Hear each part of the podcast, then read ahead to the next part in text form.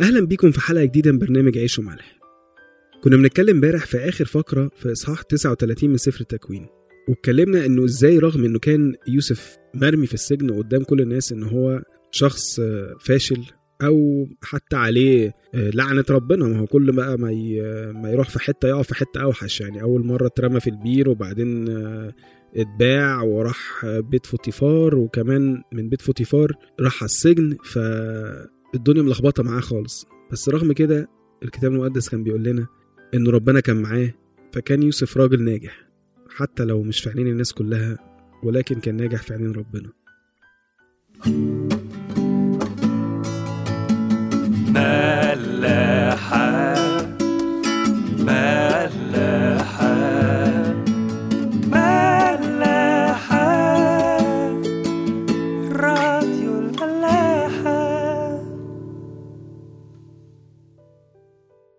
نبتدي نقرأ مع بعض إصحاح 40 من سفر التكوين. وحدث بعد هذه الأمور أن ساقي ملك مصر والخباز أذنب إلى سيدهما ملك مصر. فسخط فرعون على خصييه رئيس السقاة ورئيس الخبازين. فوضعهما في حبس بيت رئيس الشرط في بيت السجن المكان الذي كان يوسف محبوسا فيه. فأقام رئيس الشرط يوسف عندهما فخدمهما وكان أياما في الحبس. يقول لنا يعني إن بعد القصة إن هو يوسف اترمى في السجن إنه حصل مشكلة ما بين ملك مصر واتنين من الخدم بتوعه الساقي بتاعه والخباز بتاعه. وعلى فكرة أي حد كان مسؤول عن الأكل أو الشرب للملك فده كان منصب يعني كان حد مؤتمن جدا لأنه ممكن بسهولة جدا إن هم يخونوا الملك أو يحطوا سم في في الشرب أو في الأكل بتاعه ويموت. فعشان كده واضح حتى من سياق الكلام إن هم كانوا آه، منصب عالي لأنه بعد كده بيقول إنه رئيس الشرط ده خلى يوسف يخدمهم في السجن. يعني زي كده ما نلاقي دلوقتي إنه لو حد يعني كان عنده منصب كبير آه، دخل السجن ممكن تلاقي مساجين صغيرة أو يعني أقل شوية في المستوى إنها بتخدمهم وكده. فهو مش بس يوسف كان مرمي في السجن لا هو كمان كان بيخدم الناس اللي في السجن. ورغم كده ربنا كان معاه واللي ربنا معاه يكون دايما ناجح. مهما كان في أي حتة. خلينا نكمل ونشوف ربنا هيعمل إيه مع يوسف.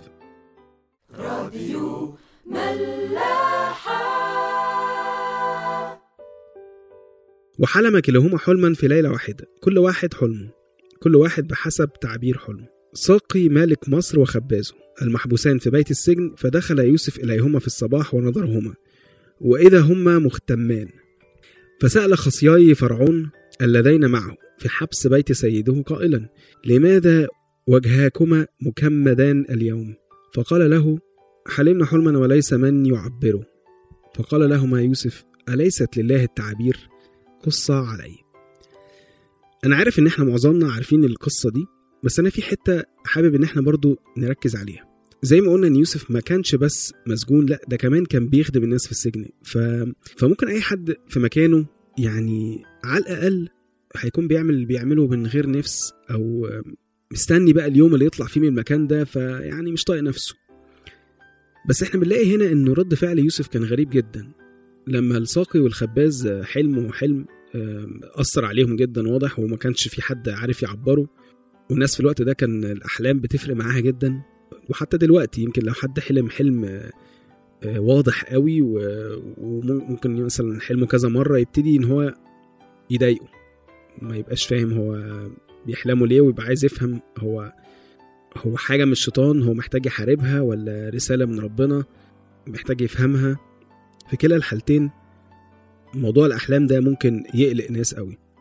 يوسف لأنه ربنا كان معاه فما كانش باصص على نفسه وعلى اكتئابه وعلى القهر اللي هو فيه وكان عامل زي ما حكينا عن إبراهيم قبل كده إنه قاعد بره نفسه فبيتلكك إنه يشوف حد محتاج حاجة ويروح يحاول يساعده.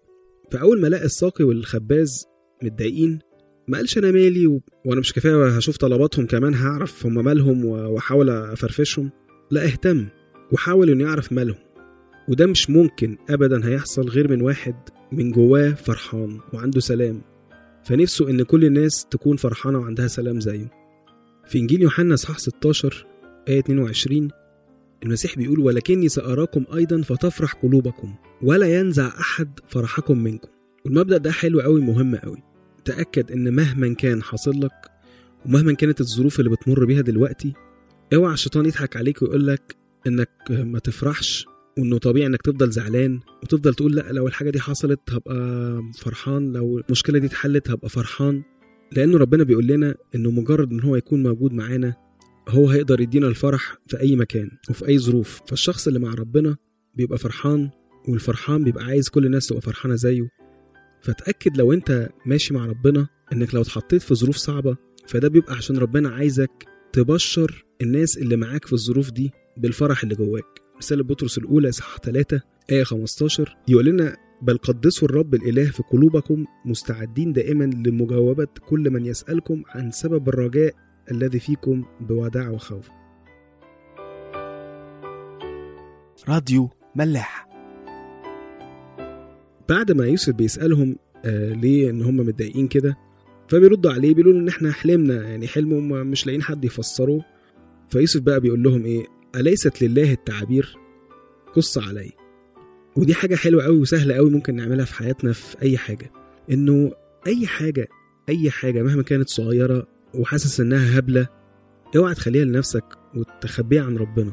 أي حد فينا لما بيحب حد قوي بيبقى نفسه يعرف أداء أداء التفاصيل اللي في حياته. بيبقى مبسوط جدا وهو بيحكي له عنها. وبيبقى مبسوط أكتر لو جه واشتكى له من أي حاجة ويقول له أنا ماليش غيرك يعني أنا هشتكي لمين ومين تاني اللي ممكن يساعدني غيرك. فإذا كنا بنعمل كده مع أقرب الناس لينا الناس اللي بنحبهم أو عيالنا وإحنا برضو ضعاف وفينا خطية مش حال بقى ربنا اللي حبنا للمنتهى هيحب إزاي إن إحنا نشركه في أداء تفاصيل حياتنا؟ لما تكون حاجة مضايقاك مهما كانت صغيرة اجري على ربنا وقولها له. وهو أكيد أكيد مش هيسيبك. إنجيل متى؟ اصحاح 7 آية 11 يقول فإن كنتم وأنتم أشرار تعرفون أن تعطوا أولادكم عطايا جيدة فكم بالحري أبوكم الذي في السماوات. يهب خيرات للذين يسألون. راديو الملاحة. اديتور دعم. وفعلا بيحكوا الاتنين أحلامهم ليوسف معظمنا طبعا يعرف قصة الأحلام دي وممكن نحكيها بسرعة كده إن هو الساقي حلم ب- بكرمة وفي الكرمة دي كان في ثلاث قضبان. قضبان يعني زي خشب كده ويقولوا إن هي طلعت زهر والزهر ده طلع عناقيد والعناقيد دي طلعت عنب يعني. وكانت الكاس بتاعت فرعون في إيده فأخد العنب اللي طلع من القضبان دي وعصرها في كاس فرعون وادى لفرعون الكاس ده. فبيقول له يوسف طبعا بإرشاد من من ربنا إن تفسيره يعني إنه بعد ثلاث أيام فرعون هي هيرفعك لمكانتك الأولى تاني وتسقي فرعون زي ما كنت بتعمل قبل كده.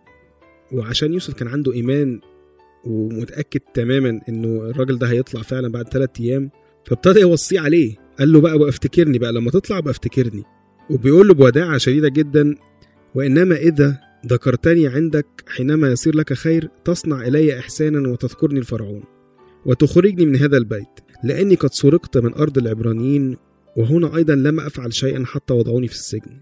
ولا بقى بيتكلم على فوتيفار ولا مراته ولا هي كانت عملت إيه وخلاص مش مهم. المهم إن أنا مرمي هنا ظلم فأبقى افتكرني قدام فرعون. يعني هي الحتة دي فيها حتة بايخة شوية من يوسف بس يعني إحنا ممكن نبص على الحاجتين ونتكلم عنهم. الحاجة الحلوة طبعا يوسف كان عنده الإيمان ده إنه إن هو الراجل ده أكيد هيطلع فلما يطلع ويرجع لمكانته الأولى دي عند فرعون يبقى يتوسط له عشان يطلع يوسف كمان ويعفي عنه يعني.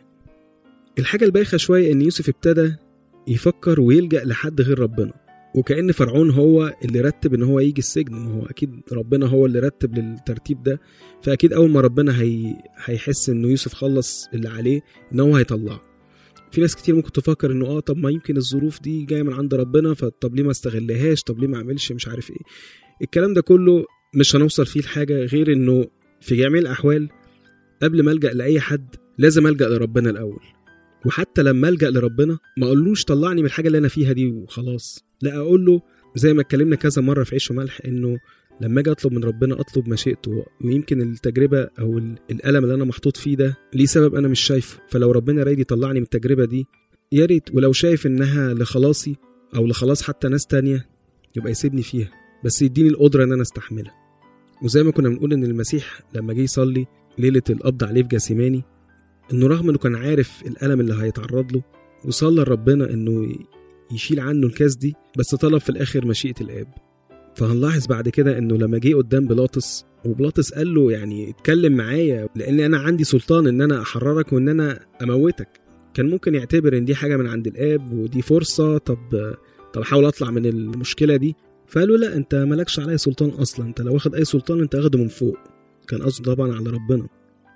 فالمسيح اتكلم بالطريقة دي مع بيلاطس لأنه ما مشاش مشيئته بالجسد ولكن طلب مشيئة الآب ونفذها بكل أمانة. وعشان كده بنقول واعترف الاعتراف الحسن أمام بيلاطس البنطي فلذلك لو قارنا برضه هنلاقي إنه في ناس كتير ممكن تكون ساعتها كانت مع المسيح وتقول يعني يا أخي يعني شغل دماغك شوية يعني جات لك فرصة لحد رجليك أنت ليه مقفل دماغك كده؟ بس طبعا قدام الآب كان رأيه حاجة تانية خالص. عشان كده لو كنت متضايق من أي وضع أنت محطوط فيه أو أي ظروف ما تحاولش تطلع منها بذكائك. ما تحاولش إن أنت تدور على واسطة عشان تطلع منها. روح لربنا واطلب مشيئته وهو لو عايز يطلعك هيبعت لك ناس لحد عندك تطلعك منها. نشوفكم بكرة.